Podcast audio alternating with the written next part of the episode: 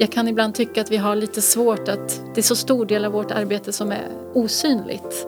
Och det, det känns viktigt att fortsätta trycka på och lyfta fram. Mycket som sker bakom utställningarna eller bakom förmedlingen.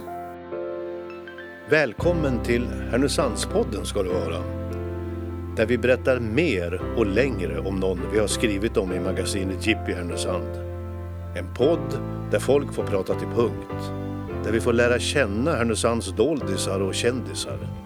I Härnösandspodden får ni höra det som står mellan raderna i Jippi i en uppriktig och nyfiken form. I Härnösandspodden får du möta Jenny Samuelsson, bibliotekschefen från Luleå tekniska universitetsbibliotek som kom till Härnösand 2016 med en stor uppgift. Göra Murberget till ett museum för hela länet och nå ut till ännu fler. Ja, hur har det gått och vad hon säger nu om Västernorrlands museum som det heter. Det blir temat för vårt samtal och naturligtvis är vi nyfikna också på vem hon är och hur flytten till Härnösand känns idag. Välkommen Jenny! Tack så mycket. Det stämde det här med universitetsbiblioteket i Luleå? Ja, men det stämde bra. Det var precis så. Det var det jag jobbade med innan. Jag vet att du hade varit en månad i Härnösand när Jippi faktiskt uppmärksammade den nya museichefen. Och du sa att det verkar finnas ett bra kulturliv här och jag känner någon form av optimism i luften. Det känns som, ett, det känns som en vinstlott att få bo här, sa du. Hur känns det idag? Var det en vinstlott? Ja, men det måste jag väl säga. Vi trivs väldigt bra, jag och mina barn och husdjuren eh, där vi bor i Härnösand. Och jag trivs väldigt bra med jobbet också. Eh, det är mycket med Härnösand som är väldigt positivt och som vi trivs med. Ja, men alltså hur var det där? Du, du, du flyttade hit med, med, fyra barn, alla i skolåldern. ja, jag minns inte riktigt nu hur gamla de var, men, men eh, så var det ju. Vi bytte ju stad verkligen, ända från Luleå, flyttade hit. Eh, och jag tror att alla, det var nog kanske förskoleklass som var för den yngsta då. Eh, men annars var det ju verkligen byte av skola och sammanhang för allihop. Hur var det då för familjen? Ja, men det, var, det var en stor omställning. Det var inte lika lätt för alla. Eh, framförallt min äldsta dotter hade ju eh, rotat sig väldigt mycket i Luleå så henne var det ganska jobbigt för. Eh, även om hon kommer att trivas sen och få mycket vänner och så, så är det en stor omställning när man är ung och byta allting. Medan för eh, några andra av barnen så var det, var det en positiv förändring redan från början. Är de kvar hemma alla fyra eller? Nej, två har flyttat. En, en går gymnasiet i Italien och en pluggar på universitetet i Stockholm. Och vad har de valt för bana då? Samma som mamma eller? Nej, det, det tror jag inte. Eh, hon som är i Italien vet nog inte än men hon är väldigt inriktad på språk och eh, globala relationer och den typen av frågor. Och min äldsta dotter hon pluggar marknadskommunikation. Och för dig då, hur var det att komma hit? Ja, men jag, jag tycker om att hamna i nya sammanhang. Jag, jag tyckte det var jättespännande och roligt. Och... Eh, jag kunde också, jag hade aldrig bott i en så liten stad som Härnösand tidigare. Jag är ju uppvuxen i Norrköping från början och sen har jag bott i Göteborg, Umeå och Luleå. Och alla de är ju större. Eh, så det var väl lite av en omställning ändå måste jag säga. Eh, alltså man får ju känslan av att Härnösand är en stor stad för det finns, det är ganska mycket stadskänsla men det är inte så många som bor här. Eh, och det är en småstadskänsla i hur vi lever. Så det var en stor omställning för mig. Men eh, jag trivs väldigt bra och det är väldigt skönt att ha nära till allting. Till skola, till natur, till jobb, eh, till kulturen. Till allt sånt finns ju alldeles i närheten. Så det är ju jättebra. Ja, alltså lite spännande just med tanke på din bakgrund. Och när lämnade du Norrköping då? Eller var, var, var började dina universitetsstudier? Ja, men jag flyttade direkt efter gymnasiet eh, till, eh, till Göteborg för att läsa litteraturvetenskap där. Så eh, det var min första stora flytt. Jag tyckte att det varit lika roligt att flytta varje gång. Jag gjorde också det. Jag lämnade Härnösand för Göteborg också fast Jaha början på 70-talet för att gå Journalisthögskolan. Okej, Göteborg har ett särskilt plats i ens hjärta, eller hur? Ja, men jag tycker jättemycket om Göteborg verkligen. Eh, Det var nog den stad som jag verkligen kände att jag ville, ville till. Annars flyttar de flesta Norrköpingsbor till Stockholm för att plugga. Men eh, jag valde Västsverige istället. Men visst var västkusten liksom lite okänt för oss som kommer från ostkusten? Ja, ja, absolut. Jo, men det var det. Det kändes ganska unikt faktiskt. Men sen Umeå och Luleå då, hur kom du dit? Ja, alltså det var så att jag hade bestämt mig för att bli bibliotekarie och jag tyckte det var för tråkigt att pendla till Borås från Göteborg. Det var, det var egentligen anledningen till flytten. För då bestämde jag och min dåvarande pojkvän oss för att vi skulle flytta så långt bort vi kunde i, i Sverige. Och då trodde väl vi att det var, det var Umeå. Men ni det kom var, lite drygt till mitten. Ja, precis. Eh, för där hade de då bibliotekarieutbildning och han kunde läsa biologi. Så det var därför. Eh, och eh, det var verkligen känslan av att komma till världens ände när vi kom dit. Allt var stängt och det var liksom lite kallt och vi trodde vi hade kommit till en väldigt liten stad. Vad säger du om Norrlandsperspektivet idag då? Ja, men det har ju ändrats jättemycket. Det, det är väl något som jag verkligen tycker att jag har fått, fått uppleva eftersom jag har flyttat längs med hela Norrlandskusten. Eh, Medan Umeå är en ganska unik stad i, i Norrland. Det finns ju inget som riktigt liknar Umeå. Det är ju verkligen en form av huvudstad så, för Norrland. Så när man kommer upp till Luleå och det tekniska universitetet och kopplingen som snarare går uppåt kulturellt mot, mot Kiruna, Haparanda och Finland och så, då, då börjar man få ett helt annat perspektiv på, på kultur och relationer med andra länder och eh, hur vårt språk ser ut inte minst och hur vi lever olika. Eh, det, är en, det är en annat uppåt perspektiv där än vad det är här, här nere som är väldigt spännande. För här relaterar man ju ofta söderut mot Stockholm eller mot Sundsvall ganska ofta. Ja, jag minns en gång när vi gjorde ungdomsradion för Sveriges Radio, tror det var 1976, och kom till Gällivare. Det hade varit lite bråk där, de stängde någon skola. Då var det någon 12-åring som sa, ja, var kommer du ifrån då? Ja, vi är från Sundsvall. Så, Jaha, där nere vid Stockholm. Precis. Ja, men exakt så. Men det är liksom en det är lite intressant att om man är i Luleå och man är långt norrut Ja. nära gränserna så får man en kontakt med andra kulturer. Ja, som, som jag aldrig hade tänkt på annars. Så att jag, är- jag är väldigt tacksam över de där åren i Norrbotten på det sättet. Man får nya perspektiv som jag inte hade fått annars. Eh, och jag hade aldrig, jag hade aldrig lärt mig eh, så mycket om livet i norra Sverige om jag inte hade börjat flytta upp för att plugga. Men det var ändå böckernas värld som fångade ditt intresse från början. Ja, men det var det. Eh, det fanns ju inte så där jättemånga yrken att välja på. Jag kom inte heller från en familj där man har pluggat tidigare så det var, det var lite begränsat i min begreppsvärld vad man kunde göra. Men vad jag förstod då när man hade gått humanistisk linje med latin och grekiska så, så kunde man bli lärare eller, eller bibliotekarie på ett ungefär. Eh, det var, nog, det var nog lite det jag föreställde mig om jag inte skulle ge mig in på något kreativt. Jag gillade ju att skriva och måla och sådär också. Men, och spela musik och så. Men jag trodde inte jag var tillräckligt bra på det. Men, eh, nej, men då var det böckerna och då tänkte jag eh, att jag kunde bli bibliotekarie. Eh, eftersom jag alltid har tyckt om bibliotek och eh, den typen av kulturella institutioner. Så det var tanken och så det stora intresset för litteratur och att läsa och analysera och så. Vad säger du om sambiblioteket? Ja men det är jättefint, verkligen. Det är ett av de finare eh, kommunala biblioteken i Sverige tycker jag. Det är en fantastisk byggnad. Men universitetsbiblioteket försvann. Ja, men det gjorde det ju. Och det var ju i ett, i ett led av hur många universitet hanterade den här frågan med många campus då. Din egen favoritlitteratur då? Ja, jag anade nästan att du skulle fråga om det men, men nu på sistone så har jag, har jag snöat in mig lite grann på sån här halvdålig litteratur om eh, kvinnor under andra världskriget eller mellankrigstiden som är spioner eller kämpar för någonting. Så, men annars den sista boken som jag läste var faktiskt Matilda av Roald Dahl. Om den här, det är en barnbok eller en ungdomsbok om en, om en flicka som är eh, hyperintellektuell och som eh, läser väldigt mycket böcker. Läste du med dina barn då? Eller? Ja, vi hade sett på den här musikalen som har kommit precis på, på tv, eh, Matilda, en, en nyutgiven, eh, som gjorde att jag var tvungen att läsa om boken igen.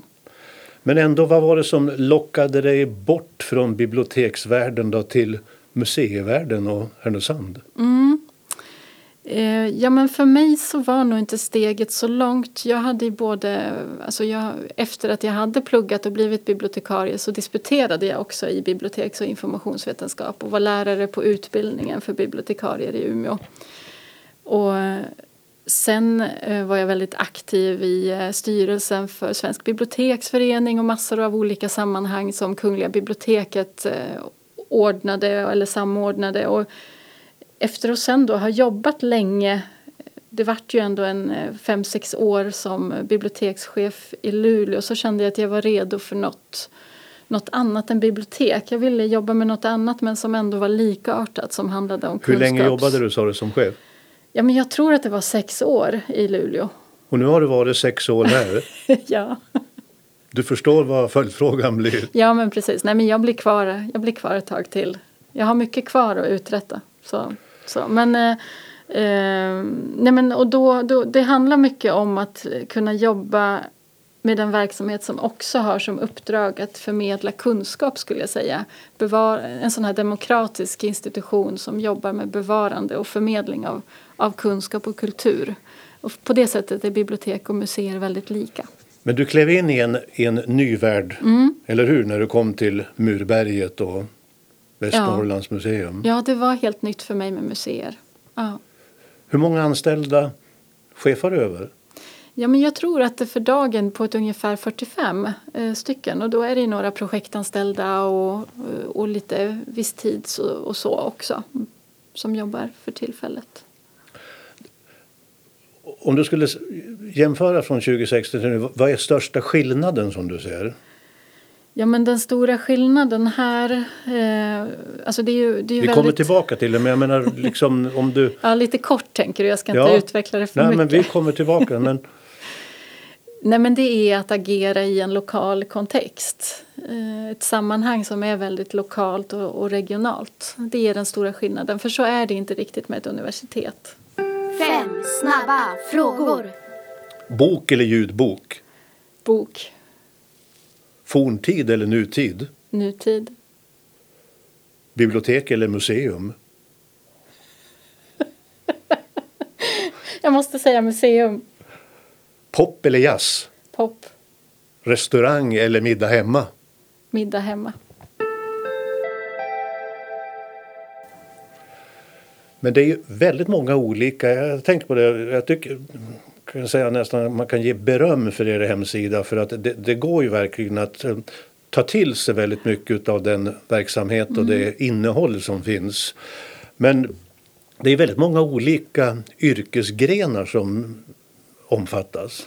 Ja men så är det verkligen. Vi, vi är ju en otroligt omfattande och bred verksamhet som jag tror att många inte känner till. Eller att vi är. Man tänker kanske på ett museum som en en plats med utställningar. Eh, men det är ju allt från samlingsförvaltning av stora samlingar med föremål, arkiv, byggnader till arkeologisk, byggnadsantikvarisk verksamhet, kulturmiljöverksamhet.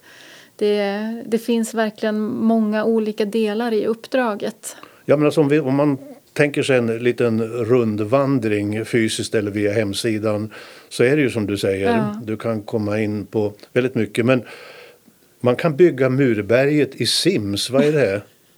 jo men du vet, eh, har du spelat Sims? Ja, jag vet vad Nej, jag har inte spelat Nej. det. Nej, men jag har faktiskt inte gjort det själv. Men det är ju ett, ett sätt att väcka intresse för kulturarvet på ett, på ett nytt sätt. Med nya verktyg som, som lockar unga människor till exempel. Och det är att få barn och ungdomar att intressera sig för de fysiska byggnaderna och Ja. för stället. Precis. Ja, så kan man se det. Medeltids-live då? Lajvar du också? Nej, det gör inte jag. Men tack och lov har vi ju många andra i verksamheten som håller på med sådana spännande saker.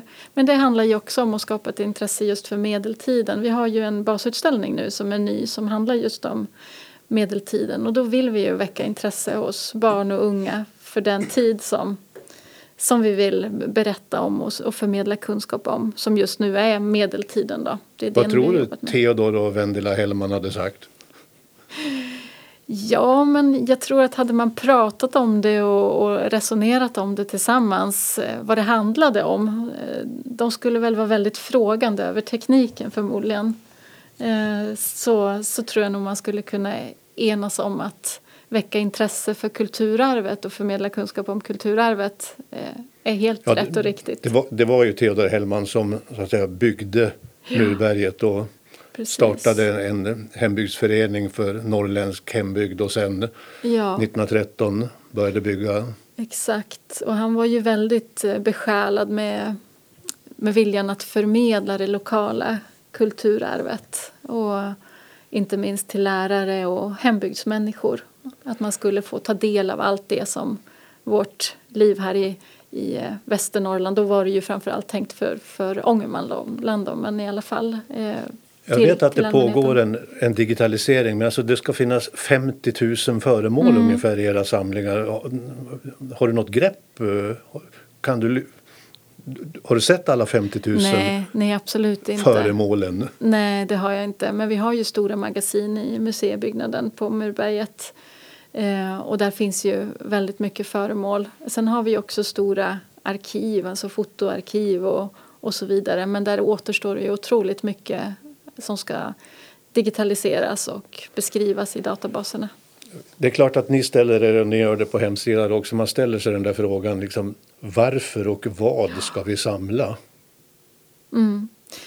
Ja, men det är en jättecentral fråga eh, som vi skulle behöva jobba mycket mer med. Vi är ju väldigt lågbemannade när det gäller just samlingsverksamheten. Väldigt mycket går till det publika och till skötseln av, av eh, den verksamhet vi har. Men, men för att bli relevanta för framtiden så skulle vi också behöva samla in eh, från dagens eh, samhälle. Alltså dagens, det som ska bli kulturarvet i framtiden för, för kommande generationer. Och i stort sett så har vi ingen sån fysisk insamling idag. Det skulle vi behöva resurser för och jobba med mer. Men, men ni, ni har stängt ner så att ni håller på att bygga den senaste, den moderna basutställningen nu som den Mm. Sträcker sig till och med 1900-talet eller Ja, till och med in till och med till nu, Och, och förhoppningsvis med en liten blick mot framtiden också. Vad kommer bli viktigast där då tror du? Ja, men jag tänker att industrialiseringen blir ju väldigt viktig för länet eh, och att sätta in eh, de vanliga människornas perspektiv i, i berättandet av vår historia. Många av de utställningar som finns eh, på museerna runt om och framförallt i Stockholm är ju väldigt nationellt inriktade men vårt, vårt uppdrag är ju verkligen att berätta vårt läns historia. Så det kommer ju verkligen stå i fokus att berätta vår del av, av det liv som vi som vi har levt under de senaste några hundra åren. Och det är en intressant resa för att en del av industrialiseringens vagga fanns i Ådalen och i Västernorrland och man kan nästan säga att det har varit ett sluttande plan. Mm. Vi var så många fler. Ja, absolut. Nej, men det är ju hela det moderna samhällets utveckling till vad vi står i idag och med de utmaningar vi står inför idag. Och de andra var torpare och bönder. Ja, Är det precis. deras historia vi ska berätta eller är det vår digitala transformationshistoria till det gröna elektrifierade eller vad är det vi kommer att få se? Ja, jag vet faktiskt inte. Vi är ju väldigt noggranna med att det är de, eh, de professionella grupper som, som har bäst kompetens inom eh, just utställningsproduktion som ska jobba med det här. Så jag är inte inne och styr i nuläget överhuvudtaget utan vi har ju några perspektiv som är viktiga och det är ju att skildra många olika perspektiv på historien, lyfta fram många berättelser av olika slag, mångfald. Vi ska också vara eh, lyhörda inför att berätta eh, de nationella minoriteternas berättelser Och vi har ju ett uppdrag att jobba med hållbarhet, inte minst. Så hållbar, hållbarhet kommer vara ett perspektiv som vi kommer lyfta fram. Men annars så är det nog fortfarande mycket som, som inte har formulerats kring hur den utställningen kommer se ut. Vi har ju också lagt upp nyligen på sociala medier att vi vill ha inspel av olika slag till utställningarna. Och man, kan, man kan få komma absolut. med tips och förslag? Eller? Ja, det, känns, det är jätteviktigt för oss att få inspel kring vad, vad våra besökare och våra intressenter tycker är. Men som du säger, alltså arkeologer de jobbar med ett 10 000 års perspektiv. Mm.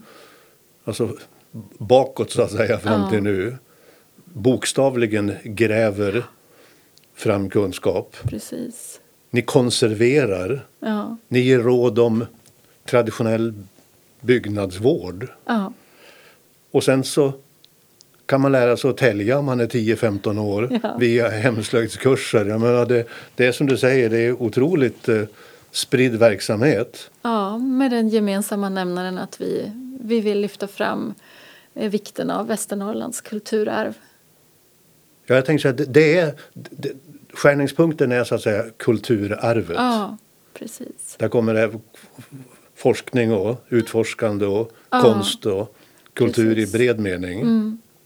Det, det, det, tillkommer ju också, det är klart, det, det, är svårt att dra en exakt gräns mellan kulturarv och, och kultur. Eh, och det har vi nog inget intresse av att göra utan det är ofta ganska tydligt vad vi behöver prioritera för att klara direktiven som vi har att leva upp till. Men eh, men eh, konst och kultur och kulturarv ligger ju väldigt nära varandra. Vad tror du politiskt om länsmuseernas framtid? Eftersom finns det en konflikt här i vad som är kulturarv och vad som är svenskt och vad som ska bevaras och vad som ska berättas. Jo. När det gäller böcker har man ju pratat om en kanon. Mm.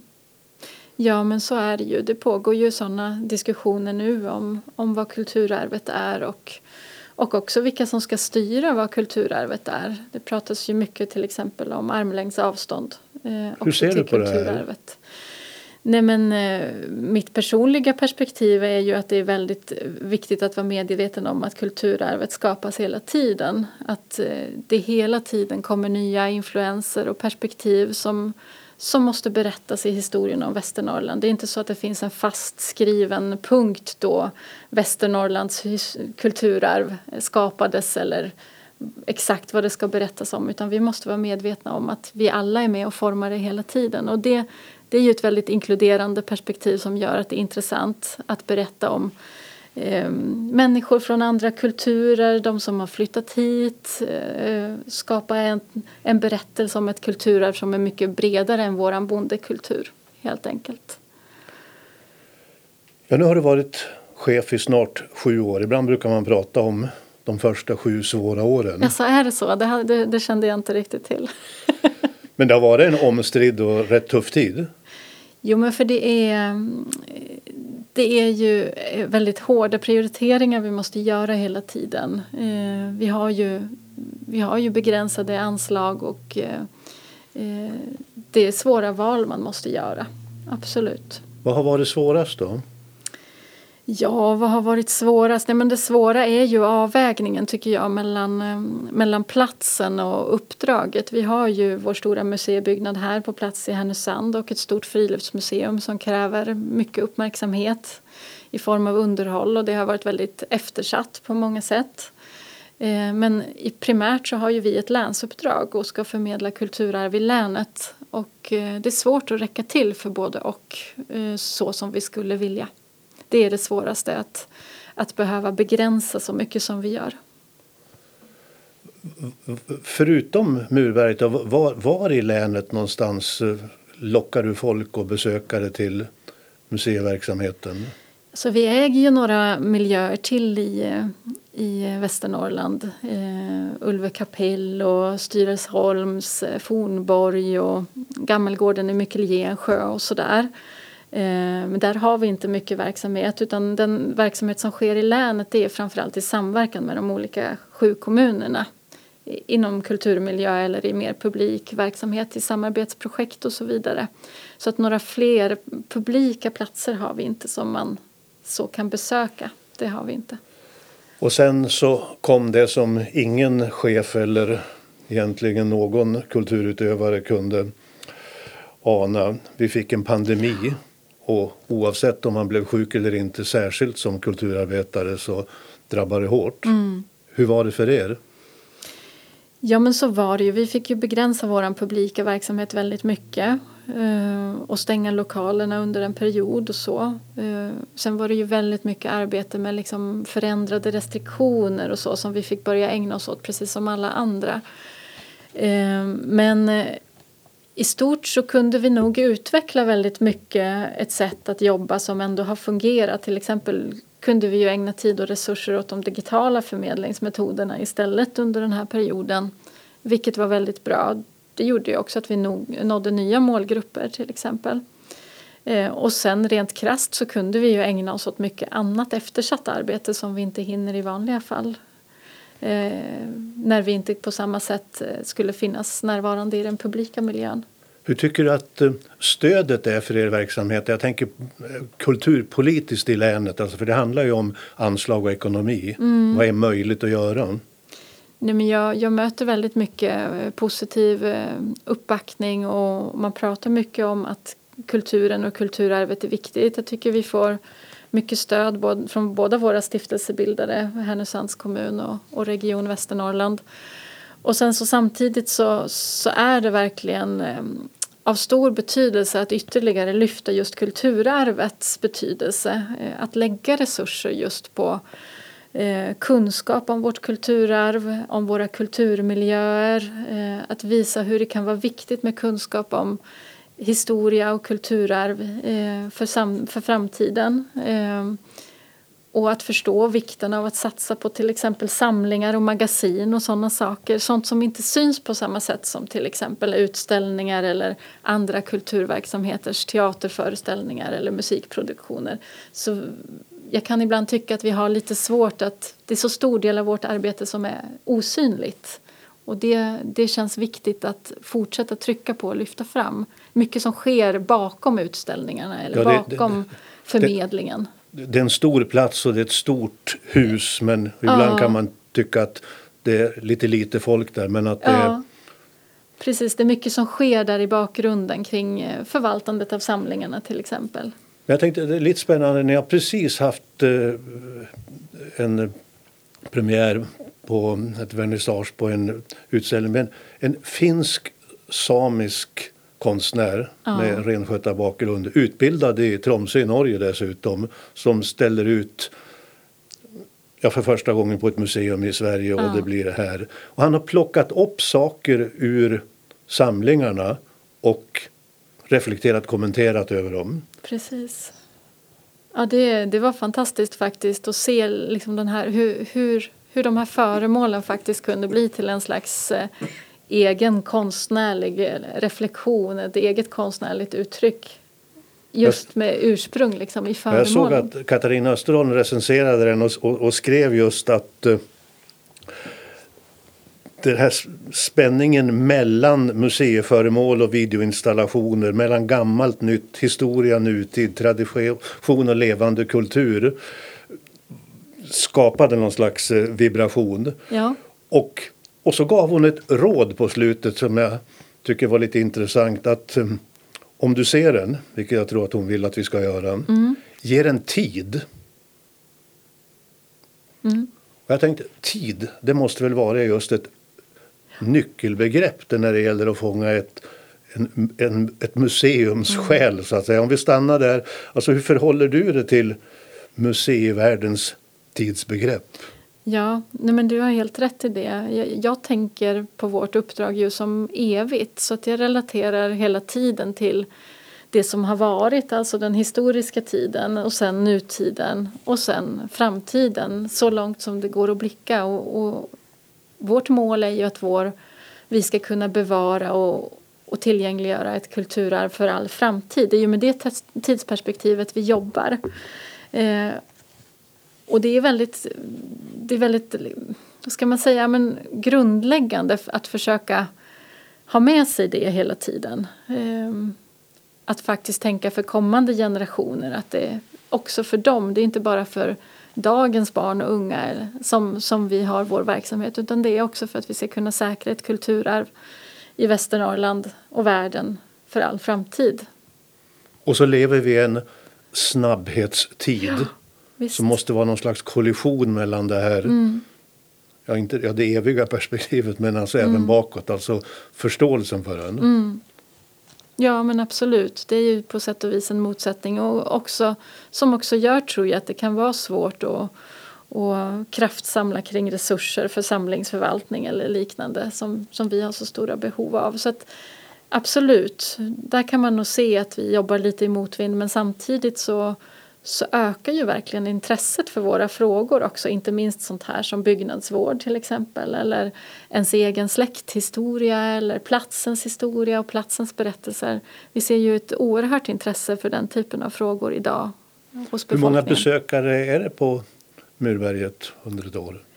Ja, men förra året var det ju jättemånga och nu kommer jag ju så dålig på siffror på det sättet men det är ju i alla fall en hundratusen.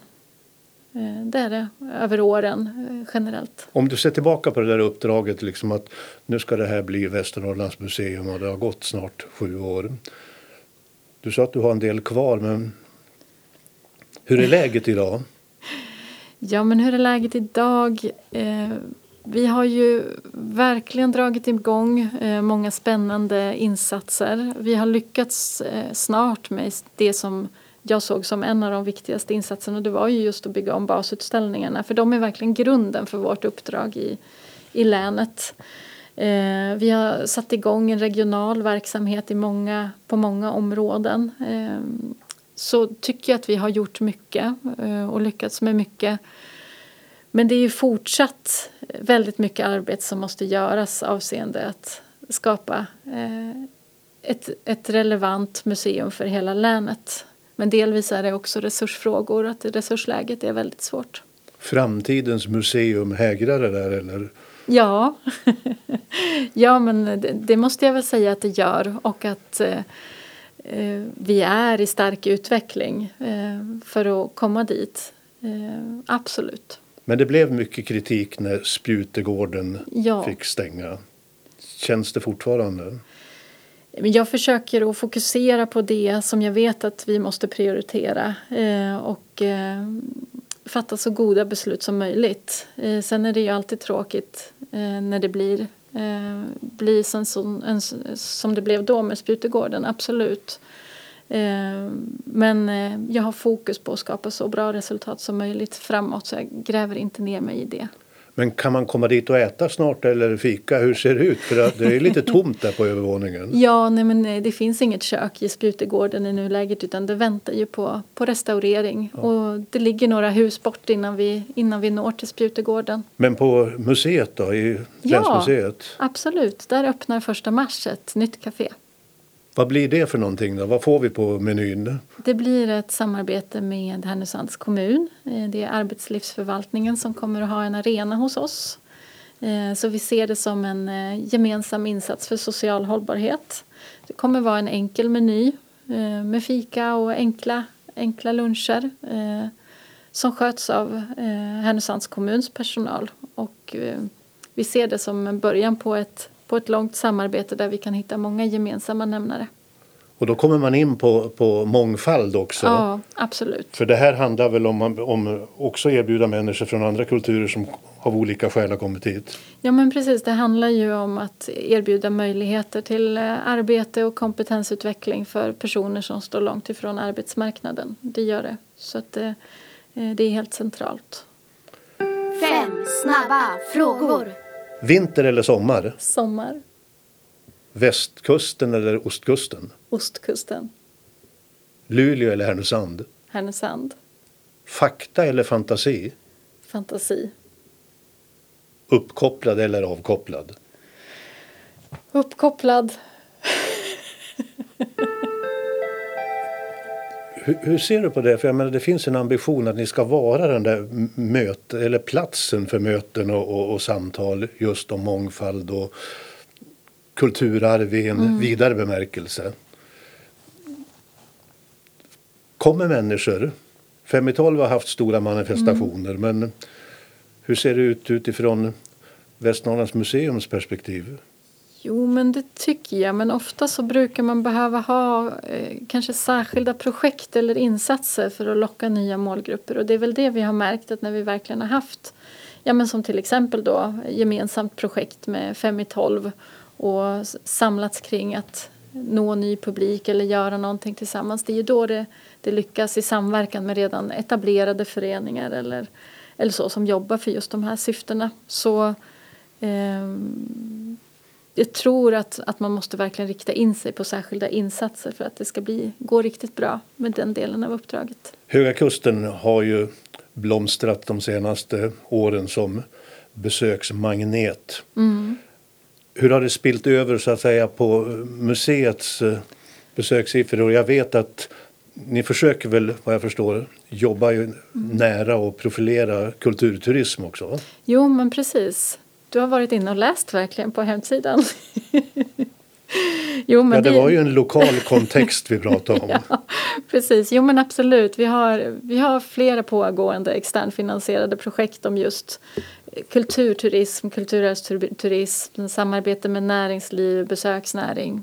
Det har vi och, och vi ser ju också att vi är en del av den utvecklingen. Dels har vi fått fler besökare Absolut, men det är också så att, att vi märker att man efterfrågar mer eh, berättelser, mer närvaro av kulturarvet eh, i de, eh, hos de besökare som kommer till Höga Kusten. Eh, de är kanske först och främst naturintresserade men de är också intresserade av att läsa, lära sig om platser, om kultur, om historia. Och där måste vi museer mer och mer komma in i de sammanhangen eh, där man pratar turism, jobbar för besöksnäringen och så vidare och verkligen visa att kulturarvet är en resurs för den här typen av utveckling av vårt län. Det finns ju en kraftfull konstnär vars verk finns på länsmuseet. Jag tänker på Bengt Lindström. Ja. Men det finns ju också en annan väldigt excentrisk eller egocentrisk konstnär, Anders Åberg som skapade Mannaminne. Mm. Det är också ett som också har letat resurser för att försöka mm. överleva. Samarbetar ni? Ja, men vi har gjort det. Nu har vi inte gjort det på länge. Vi har nog inte kommit igång riktigt efter pandemin med det samarbetet. Men absolut att vi har haft eh, nära samarbeten tidigare. Det har vi. Och eh, det är ju verkligen ett intressant och väldigt unikt besöksmål. Och så håller ni på och eh,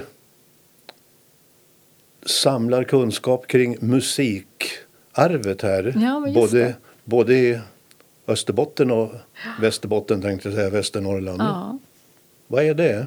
Ja, men det är ett projekt som vi eh, tillsammans med några andra organisationer har fått EU-medel för eh, nu nyligen. För ett eh, treårigt projekt tillsammans med, jag tror att det är både Norge eh, och Finland Eh, och eh, jag är inte speciellt insatt konkret i det projektet utan det har vi andra som är. Men det handlar ju om att lyfta fram det musikaliska kulturarvet i, i, de, i den här delen av, av landet och mellan de här länderna. Ja, innan vi kommer in på det här med kreativiteten bara, men alltså det viktigaste i chefskapet nu efter de här åren för dig, vad är vad behöver du göra för att vara den här ledaren och chefen som ska bygga det här framtidens museum? Ja, men eh, det jag tycker är viktigt är ju att vara närvarande och eh, delaktig i verksamheten i väldigt hög grad. Och det är också något som vi är en väldigt liten verksamhet så att vi måste alla vara med och bidra på alla sätt vi kan för att få det att funka. Och det, det känner nog jag är viktigast. Och att eh, jobba utåt också för resurser och för strategisk dialog om kulturarvets frågor. Så det sen en intern närvaro och dels eh, att jobba starkt utåt mot, mot eh, uppdragsgivare och beslutsfattare av olika slag. Och nu har du en dotter i Italien och en i Stockholm. Du spelade i band förut. Vad var det för band? ja, men det var ett eh, punkrockband eh, som jag hade i Umeå tillsammans med ett, ett gäng tjejer. Eh, vi hade verkligen jätteroligt. Det skulle vara kul att dra igång igen. Är det det här Dennis Lyxzén-eran ja, eller? Lite så, eh, även om det kanske inte riktigt var hardcore vi spelade. Eh, men, eh, men absolut, vi har varit på, på spelningar tillsammans med dem och, och funnits i samma kretsar. Ja.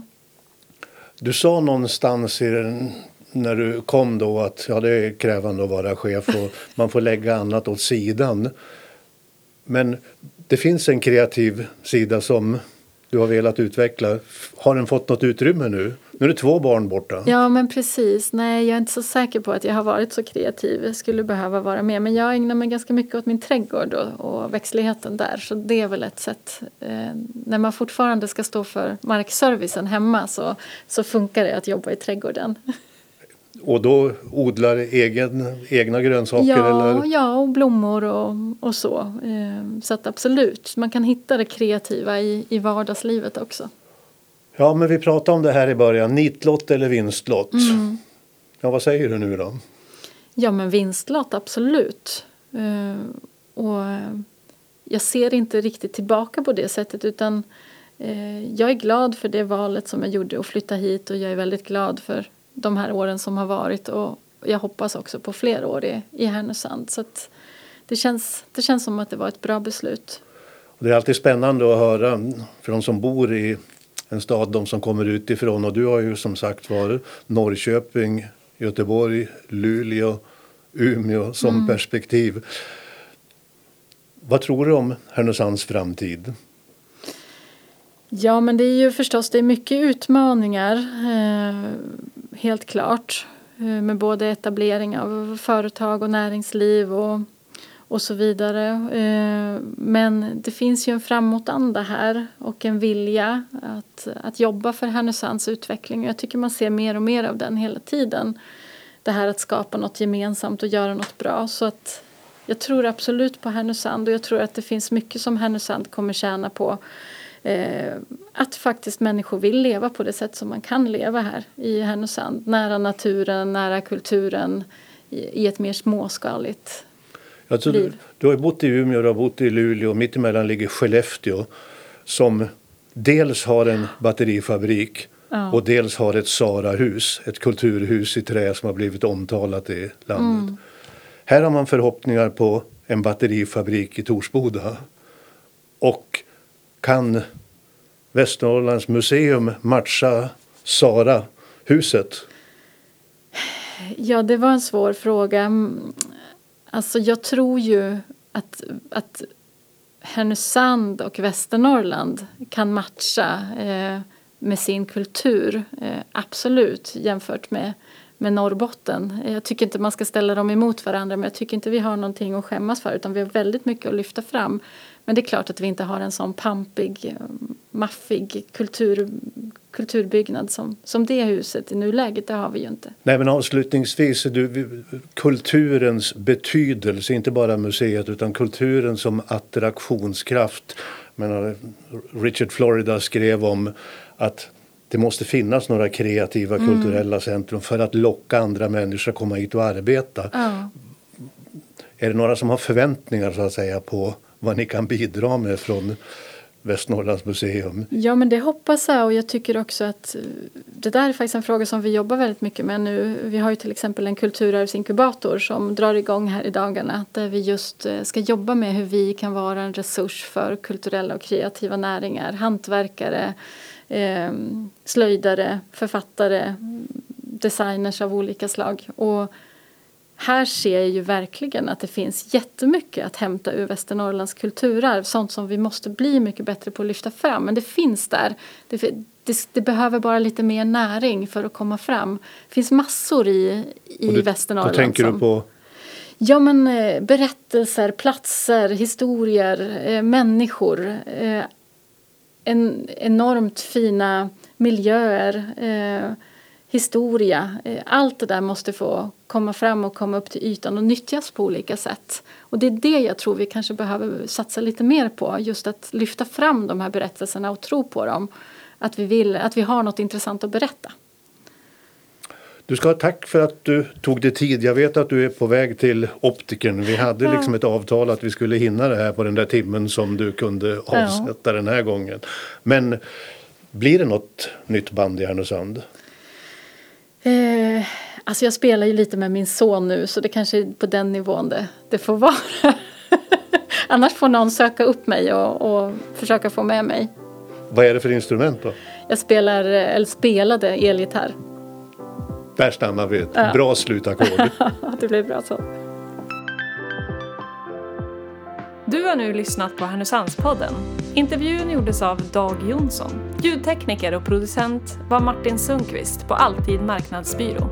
Musiken är gjord av Joel Nyberg på Lejonbröder. Fler avsnitt hittar du på www.harnosandspodden.se. Vem vill du lyssna på? Tipsa oss på info at harnosandspodden.se